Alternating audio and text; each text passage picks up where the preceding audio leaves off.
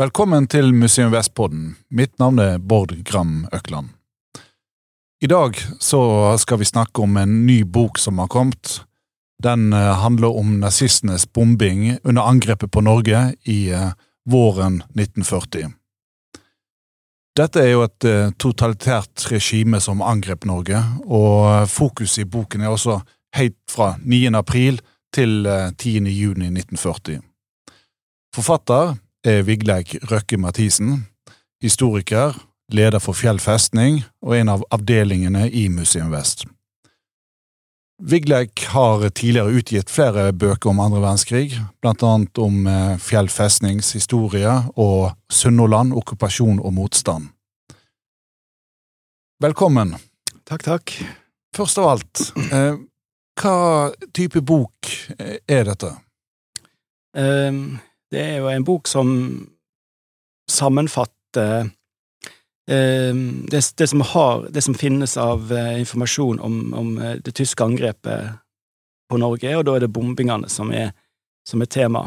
De følger jo krigens gang ganske sla, altså ganske enkelt. Altså der, der, der kampene er intense, der blir det òg mye bombing. Mm. Og der det er mindre aktivitet, der er det ikke bombing. Ja.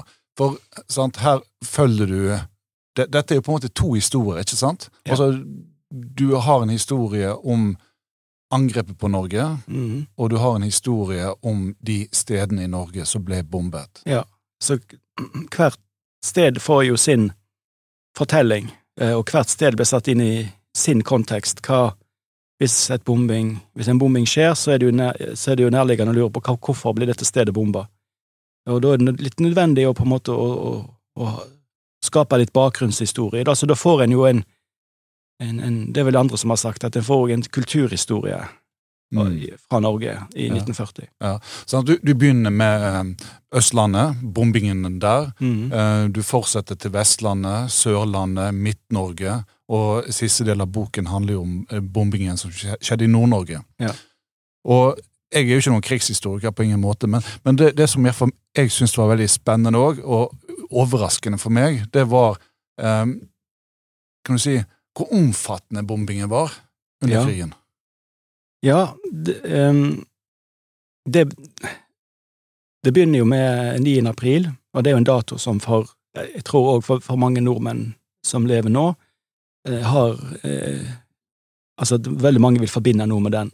Og det angrepet som kom 9. april, det var jo et angrep som det er tysk, den, eller altså Jeg har kalt det nazistenes bombing, og så har jeg fått litt eh, tilbakemeldinger om at ja, var alle nazister som, eh, som, som satt opp i de flyene, det kan vi ikke vite, så la oss si det tredje rikets bombing da, i, i denne podkasten her. Mm. Men i hvert fall det, det, tredje rikets angrep på Norge den 9. april, det, det var jo retta mot eh, de store havnene, og, og, og, ikke minst Narvik i nord. Og eh, eh det begynner jo med den eh, forutsetningen, egentlig, at altså fra, fra, eh, fra, begynnelsen, at den skulle prøve så langt lot seg gjøre, og ikke eh, utøve skade på, på, i Norge. En skulle prøve å komme i land uten at det ble uten motstand. Det var, og det må en nesten ta tyskerne på ordet, for det, det, det var deres uttalte mål. Da. Akkurat.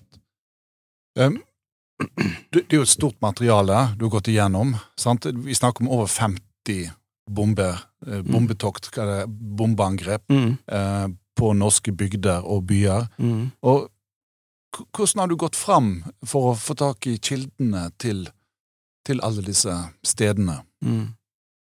Nei, det var jo det var jo en forespørsel fra, fra Vigmostad Bjørke, altså forlaget som gitt ut boka da, og de ønska å, å, å, å, eh, ha en oversikt, skal, oversikt over byer og bygder som ble bomba, og eh, når jeg fikk den forespørselen, så måtte jeg jo tenke litt, for jeg skjønte jo at eh, materialet var stort. Um, så gikk jeg litt sånn historisk til verks. Altså, jeg, begynte, altså, jeg er jo historiker og jobba som en, sånn at jeg prøvde å skaffe meg oversikt, i oversiktsverk, og det finnes jo mye informasjon og mye tilgjengelig informasjon på temaet, sånn at jeg, jeg, trengte egentlig en oversikt over alle stedene først, så begynte vi med det. Eh, og det finnes. Eh, en bok som het Flyalarm, som kom ut på 90-tallet. Der står, står, stedene lista opp mm. Eh, dag for dag. Så det ga på en måte litt Det ga et utgangspunkt. Eh, så var det jo på en måte å finne noe om hvert sted, da. Eh, og, eh, og da gikk jeg til aviser, samtidige aviser, jeg gikk til eh, historisk eh, litteratur, altså bygdebøker, eh, småskrifter, alt mulig som på en måte kunne brukes for å, å, å kaste et lys over det enkelte stedet. Mm. Ja, for tidsvitner er vel dessverre ikke mulig å få tak i lenger. Nei, i stor grad så er det, så er det for seint. Ja. Eh, hva, hva var det som inspirerte deg til, til, å skrive denne boken?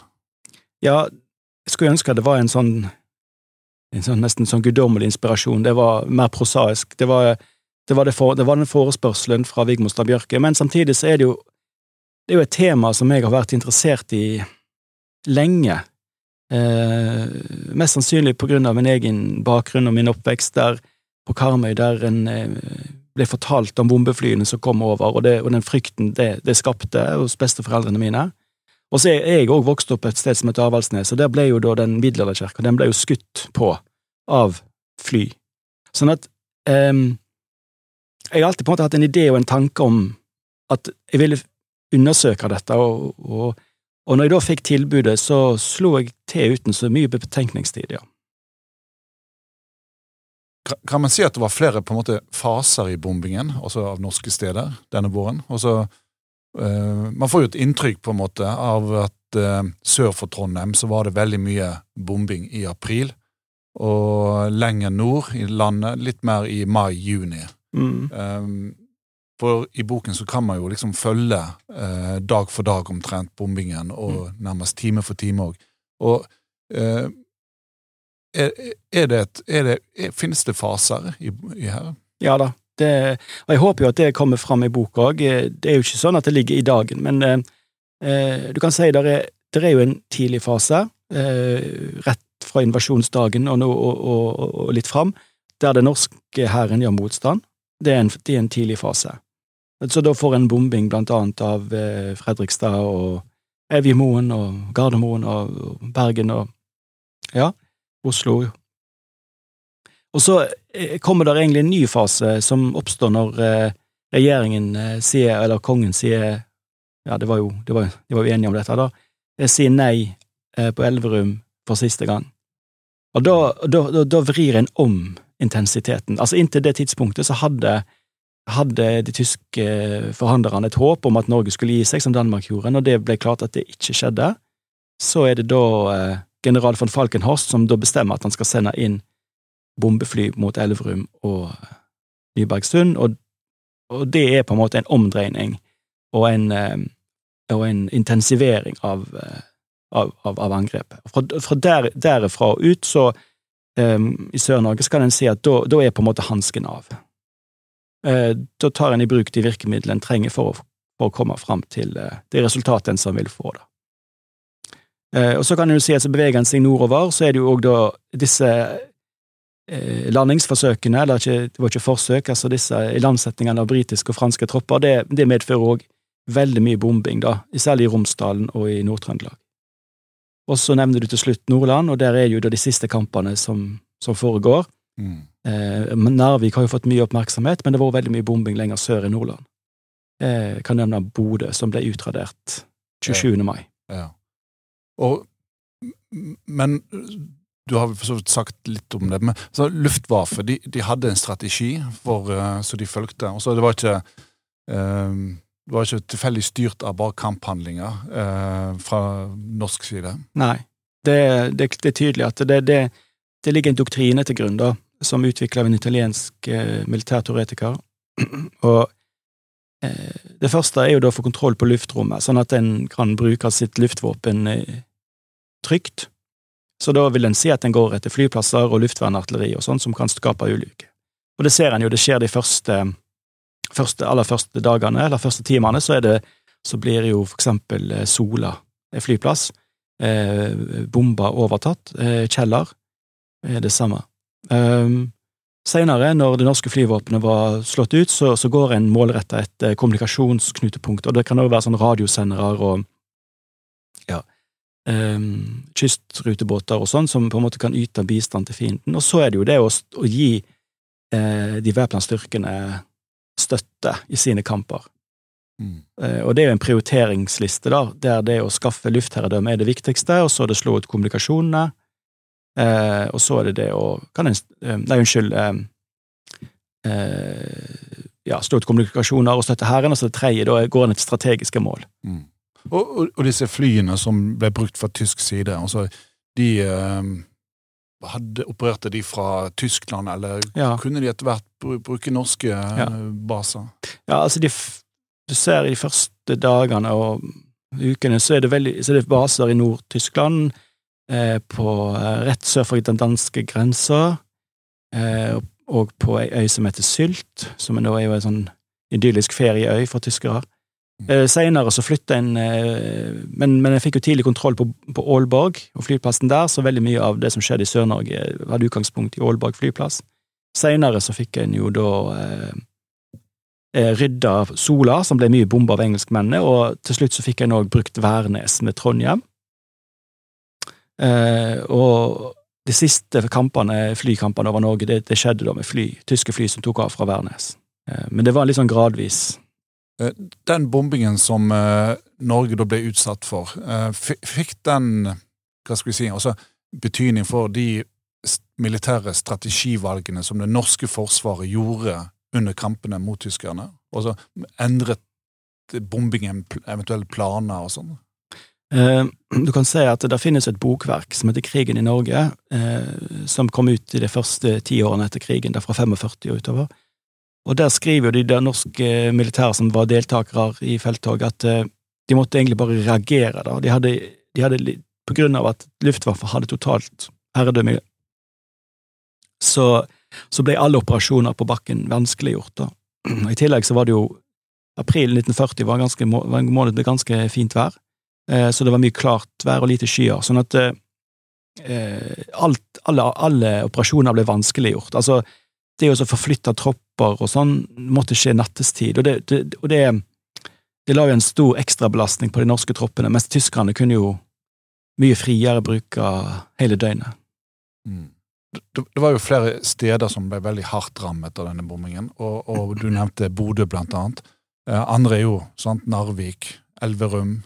Eh, kan, kan du si litt om hvordan på en måte et sånt sted som ble veldig hardt angrepet, altså for eksempel Elverum, eh, i hva grad var det sivile for eksempel også ble, ble rammet? Eh, Det som skiller altså Elverum er spesielt i norsk sammenheng, fordi at det var så mange døde etter et angrep. Det, var, eh, det offisielle tallet var lenge 40, eh, men det er jo en eh, historiker, lokalhistoriker i, i Elverumsdraktene som har jobba mye med disse tallene, og, og nedjustert de noe da, til 4-35, men uansett så er det veldig høyt. Og det skjedde bare i løpet av noen altså en times tid eh, på ettermiddagen den eh, 11. april. Og Elverum ble jo Altså, det, den ser fra de avisene, de som på en måte skriver om Elverums bombing, de, de, du, du aner på en måte Du, du trenger ikke ane det, du ser, leser um, det sjokket. Em, det var ingen i Norge som hadde opplevd noe sånn. Eh, og kan vel si det er vel ingen i Norge som har opplevd det som lever i dag heller. Mm. Den fullstendige ødeleggelsen av en by. Jeg vil tro at det bare er flaks, egentlig, at, det var at ikke flere menneskeliv gikk tapt i Elverum. Ja. Og det, det er jo litt av det som altså, Vi lever jo i en tid nå med, med krigen i Ukraina, og vi, så at bombingen er jo en del av nyhetsbildet. og Du får jo litt sånn assosiasjoner til, til eh, ja, det som skjer i dag, da, Ja. når, du, når du leser om, om hvordan sivile eh, her òg i Norge ble, ble eh, rammet. Da. Nå går jo eh, eh, Putins hær målretta etter kraftverk og ja, kraftverk mye. Eh, og, ble, eh, og samme strategien ble brukt i Norge. Eh, 11. og 18. april 1940 så sendte de opp eh, langtrekkende bombefly fra Tyskland opp til Tromsø, der de, helt, der de målrettet gikk et kraftverk eh, som gav Tromsø strøm. Ødela det kraftverket. Det ene, altså to kraftverk, én ble helt ødelagt. Um, og um, var ute av produksjon da helt fram til høsten 1940. Og, da, og vi ser jo da rapporter som kommer inn, eh, aviser, artikler og sånn som skriver om det, at Tromsø er uten strøm. Eh, folk får ikke varme opp husene sine. Men du må også huske på at dette var 1940, og folk var mindre avhengig av strøm enn vi er i dag. Men, men, men rasjonalet er jo det samme. En, en, en går målrettet etter Etter infrastruktur? Ja. ja. ja. ja det, det, er jo en interessant sammenligning der. Og, Men i boken så, så sammenligner du jo òg eh, noen av de bombingene som ble gjort i Norge, med de store ødeleggelsene som skjedde av enkelte byer på, på kontinentet. Hva, hva, ligger du i det? Nei, det er jo det at en, vi er vant i Norge til å tenke på at alt er på en eller annen måte spesielt, at Norge er spesielt lite eller spesielt et eller annet. Men, det, eh, men når vi vet at Luftwaffe fulgte samme doktrin i Norge som de gjorde når de angrep i, på, på, vestfronten, så, så må en jo begynne å tro at, de, at du får noenlunde de samme resultatene. Og jeg, jeg, begynte å tenke og så at, neder, altså at Rotterdam ble bomba i mai. Eh, 14 dager senere så blir Bodø bomba. Um, og, og, det vi ser, er jo at faktisk at bombingen av Bodø var jo for så vidt verre, for den, den skjedde uten eh, varsel, mens uh, bombingen av Rotterdam ble varsla, eh, sånn innbyggerne hadde litt tid til å komme seg unna. Um, men det er jo klart at Rotterdam var en mye større by, 700 000 innbyggere mot Bodøs 5000 innbyggere, men ødeleggelsen av Bodø var større hvis du tenker på det ødelagte byarealet. Um, en intensitet i bombingen som ikke står tilbake for det som ble på en måte Rotterdam til del. Mm. Men det er jo klart at konsekvensen blir mye større når byen er større. Det, det sier seg sjøl, men, ja. men um, for de som bodde i Bodø, så, ja, så var det jo like ille. Absolutt. Um, nå vil jeg at du skal ta og lese litt fra boken um, som du har skrevet. Og uh, da tenkte jeg at uh, sant, Vi gjør jo dette opptaket i Bergen. Vi er jo på Bergen sjøfartsmuseum. Vi må bare få sagt det. Vi er på, faktisk på biblioteket på Sjøfartsmuseet. Og eh, da tenkte jeg at da ville jeg at du skulle lese noe litt sånn lokalt. Eh, Vestlandet, tenkte jeg. Og et angrep som eh, jeg i hvert fall ikke kjenner noe særlig til. Eh, det er angrepet på Odda. Bombingen av Odda. Og det, jeg syns at vi bruker noen minutter på dette, fordi at eh, da vil òg leseren få på en måte en eh, inntrykk av hvordan du bygger opp strukturen eh, i boken. Sant? Eh, hva, hva, hva, hva, du legger vekt på når det gjelder hver enkelt bombing, da. Hvert, mm. hvert enkelt sted, mener jeg, som, som blir bombet. Så vær så god. Det er altså det Odda 23. april. Industristedet Odda med sine tre store fabrikker hadde siden begynnelsen av 1900-tallet vært det største befolkningssenteret i Hardanger. I 1940 bodde det i underkant av 8000 mennesker i byen, og mange bodde i leiegårder av tre. Bysenteret ligger på en smal flate mellom bratte fjell delt av elven Opo. Det store Odda smelteverks fabrikkområde utgjør en betydelig del av det tilgjengelige byarealet, og befolkningen bodde tett. Fabrikken i Odda var av åpenbar interesse for den tyske okkupasjonsmakten, og et angrep på byen var å forvente. Produksjon av gjødsel til jordbruket og sink til blant annet galvanisering av stål var viktig for den tyske krigsøkonomien. Men geografiske hindringer lå i veien for en rask overtakelse av byen og fabrikkene.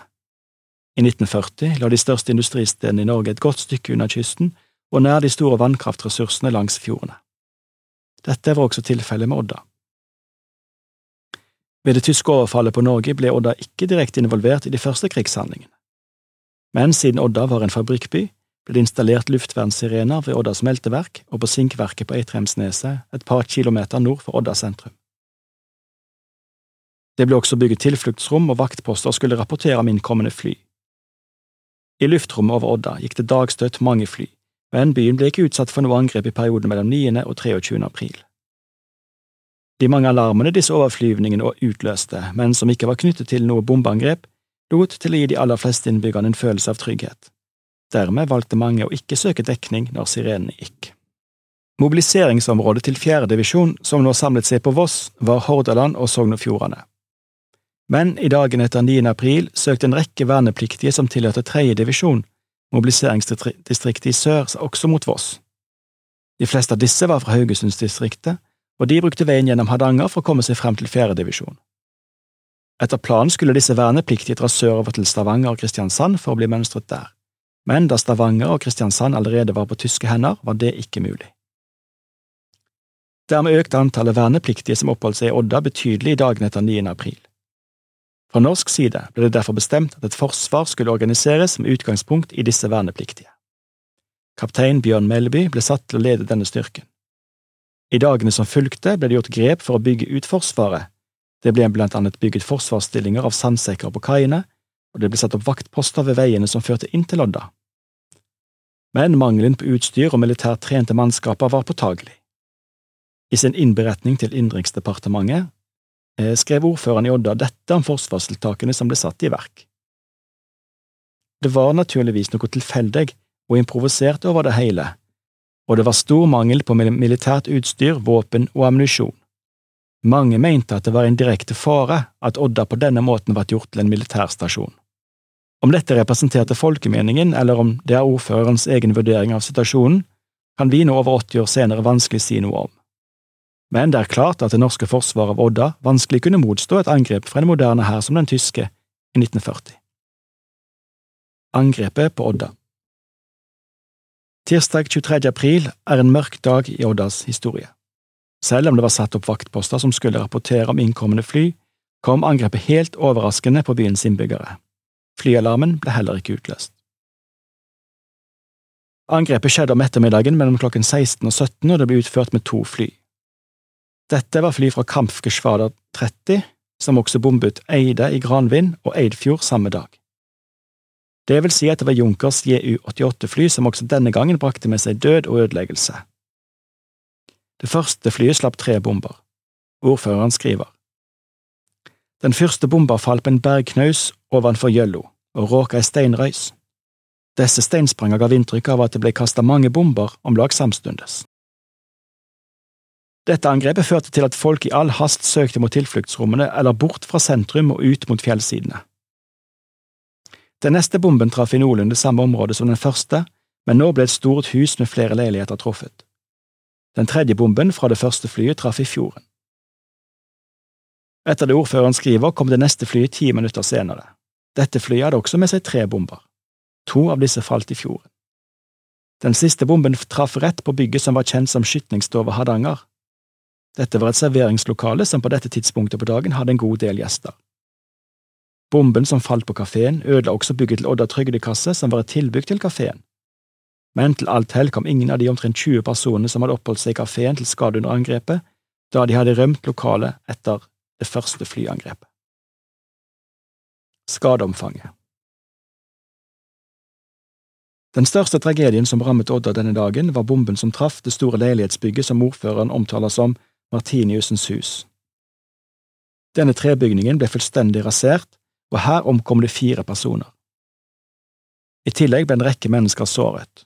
De fire drepte var Hilda Hjørnevik, Ragnar Johannessen, Olav Rolf Johannessen og Bergljot Halling. I tillegg til de menneskelige tragedien var det også store materielle skader i Odda. Steinspranget som den første bomben utløste, førte til en rekke skader på vinduer og tak over hele sentrum.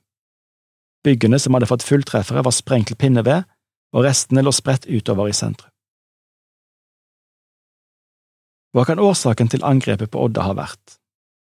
En mulig forklaring er at Odda var blitt et transittpunkt og et eget forsvarsområde med en ikke ubetydelig forsvarsstyrke. Samtidig er det nok ikke tilfeldig at angrepet kommer den 23. april, da det store angrepet på Voss settes i gang. Oddas rolle i forsvaret av Hardanger-distriktet var viktig, og det er mulig at angrepet kom som et forsøk på å hindre de norske styrkene i Odda i å slutte seg til styrkene på Voss. Ellers er det verdt å merke seg at bombene falt over sivile mål, og verken sinkverket eller smelteverket ser ut til å ha vært et mål. Det er dermed grunn til å argumentere for at bombingen av Odda må ses i lys av, av det etter måten store militære nærværet som var blitt etablert mellom 9. og 23. april. Gjennom å bombe sivile mål kunne de tyske styrkene oppnå at de norske forsvarene trakk seg unna og gav opp forsvarsverkene. Uansett, den egentlige tyske intensjonen fremstår litt uklar, men om ettervirkningen av angrepet skriver ordføreren i Odda.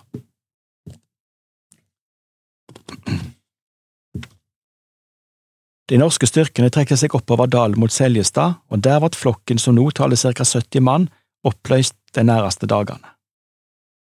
Med andre ord var den norske motstanden i og rundt Odda brutt, og den tyske okkupasjonen av Odda skjedde uten norsk motstand 1. mai. Takk.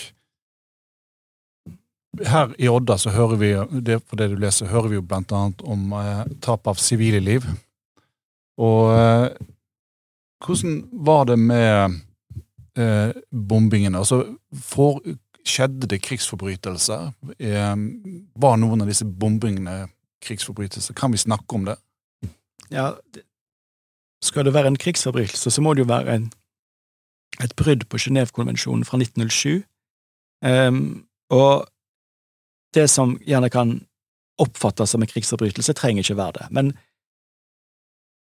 Odda, om det er en krigsforbrytelse eller ikke, det, det, det, det, er litt vanskelig for meg å avgjøre, men det, men er ikke sånn direkte klart at det var militære mål som en, som en, som en gikk etter. Og sivile har vern av Genévekonvensjonen. Men det er tydeligere eksempler, eh, blant annet et eh, hospitalskip som ble bomba ut forbi Ålesund, eh, som var malt hvitt og med røde kors, og som var ubevæpna, og som gikk over fjorden mellom Åndalsnes og Ålesund, og det ble bomba der, med, med resultatet at fem mennesker ble drept. Det ble omtalt som en krigsforbrytelse av norske myndigheter, som meldte fra, og det gikk utover Stockholm Radio, men det ble da benekta av Wehrmacht eh, noen dager senere, og jeg har ikke klart å komme fram til om noen ble dømt eh, etter krigen, eller i samtiden ble de ikke dømt, altså i, rett etter angrep. Um, det er flere gråsoner. Jeg tenker også Kristiansunds bombing. Vanskelig å forklare som noe annet enn terrorbombing, i og med at den hadde, hadde ingen eh, Hadde ikke knapt forsvar, um, og var heller ikke en del av um, Altså lå ikke på ruta til de britiske ekspedisjonsstyrken som gikk inn fjorden. De, eh, så, og, og, og Bodø òg mulig en, en terrorbombing. Var det tilfluktsrom for sivilbefolkningen i 1940? Ja, det, som jeg leste der fra Odda, så, så ble det bygd tilfluktsrom, og det sivile luftvern hadde da ansvar for det. Og Det ble bygd ut ganske raskt, men disse var jo ofte i kjellere, Eh, og sånn som jeg nevnte på Elverum, så var jo folk søkt ned i en kjeller, men der traff bomba tett på kjelleren. En, en mur raste ned og dekka de som var under. Mm. Eh, det kunne skjedd flere steder, og det er derfor jeg sier at ofte er det rett og slett bare flaks som gjør at eh, det ikke gikk verre. Eh, I boken 'Nazistenes bombing av Norge' så er jo fokuset ditt eh, på disse to månedene, da, april, mai, begynnelsen av juni der, eh, i 1940. Men Eh, blir det en oppfølger? Også, vi har jo bombingen etterpå òg, og så uh, seinere bombing, eksempel her i Bergen, når uh, ubåtbunkersen på Laksevåg var et bombemål uh, av allierte fly.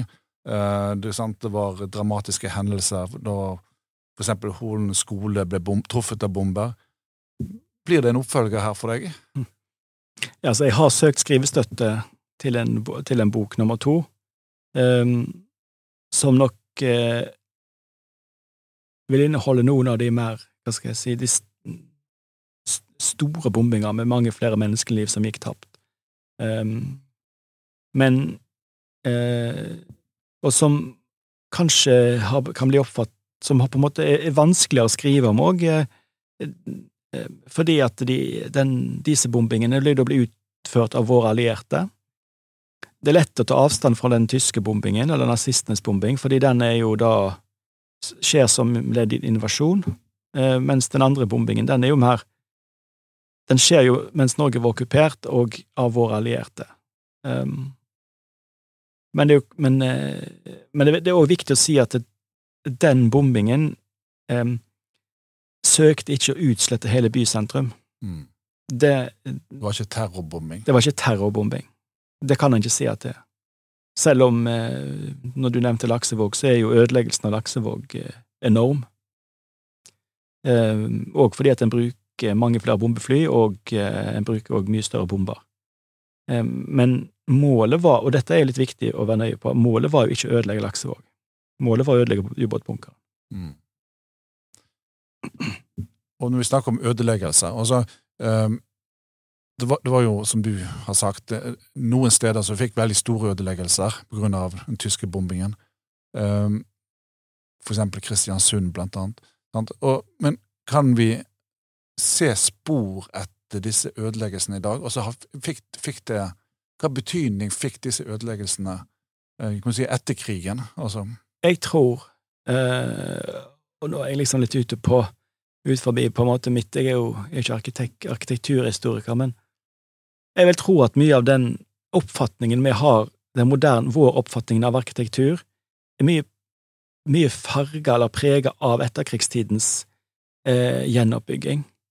Eh, vi har på en måte blitt lært opp eh, til å mene at for eksempel at Kristiansund ble en styggere by etter gjenoppbyggingen, fordi at den bygde rett nok ofte bygde den fort og raskt, og de såkalte svenske husene, kanskje noen for, kan se for seg de, altså disse litt sånn enkle firkanthusene fra 50-tallet. Um, ehm, sånn at de gamle, organiske, selvgrodde byene som fantes langs hele kysten, de forsvant jo der bombene falt. Uh, og det har nok prega uh, folks oppfatning av seg sjøl, altså på en måte sin, sin byidentitet blir jo veldig forandra. Det er et eksempel fra eh, Sunnmørsposten, som skriver det bare noen dager etter at eh, de siste bombene faller i Molde, og da skriver de at Rosenes by er ikke mer. Altså at den byen som fantes, den er borte. Men helt sånn konkret hva det har liksom, Det er et ganske stort spørsmål hva det har å si for byidentiteten, men jeg vil, jeg vil mene at det, altså, selvforståelsen til innbyggerne i for eksempel Molde vil være veldig prega av at det er en utbomba by. Ja, for det, dette her med identitet også, Den kollektive fortellingen om krigen som du har etterpå, mm. uh, ble vel påvirka uh, av, av, bombingen? Ja, det er klart det. Um, men jeg må bare si, altså, dette er òg litt sånn jeg, jeg, sitter litt og lurer på hva informasjon som var tilgjengelig, fordi at i, mens bombingen pågikk, eh, for eksempel på, i Møre og Romsdal, så var det jo relativt fredelig, la oss si i mine hjemtrakter i, i Rogaland, og det var lite informasjon å få, altså avisene var sensurert, og de skrev ikke om disse bombingene, eh, men selvfølgelig ble dette gjort kjent i samtida etter hvert, altså folk vil jo få informasjon om dette, at byene var ødelagt. Um, men det tok litt tid før dette på en måte Det måtte sikkert helt fram til 45 før, på en måte, før det totale omfanget ble kjent. da. Og, og, og da litt sånn stykkevis og delt, så det, så det blir ikke den der overveldende katastrofen, det kan det ikke ha vært, sant, fordi informasjonsstrømmen var så begrensa. Men seinere, i etterkrigstiden, så eh, oppstår det jo da, men da kommer du kanskje òg litt i skyggen av, av, brenningen av Finnmark, for eksempel, og, eh, så det blir en sånn mer en del av en sånn total fortelling da, om krigen. Tusen takk til deg, eh, Vigleik Røkke Mathisen, leder for eh, Fjell festning i Museum Vest, og er altså aktuell med boken Nazistenes bombing av Norge. Og er du blitt eh, nysgjerrig nå på boken Nazistenes bombing av Norge, så finner du boken rundt omkring på bokhandlere i hele Norge. Og du kan selvfølgelig òg stikke innom en av avdelingene i Museum Vest og eh, kjøpe boken der òg. Takk òg til Magnus Kvarving, som er produsent for episoden, og takk til deg som lytter på. Følg oss gjerne på Spotify. På gjenhør.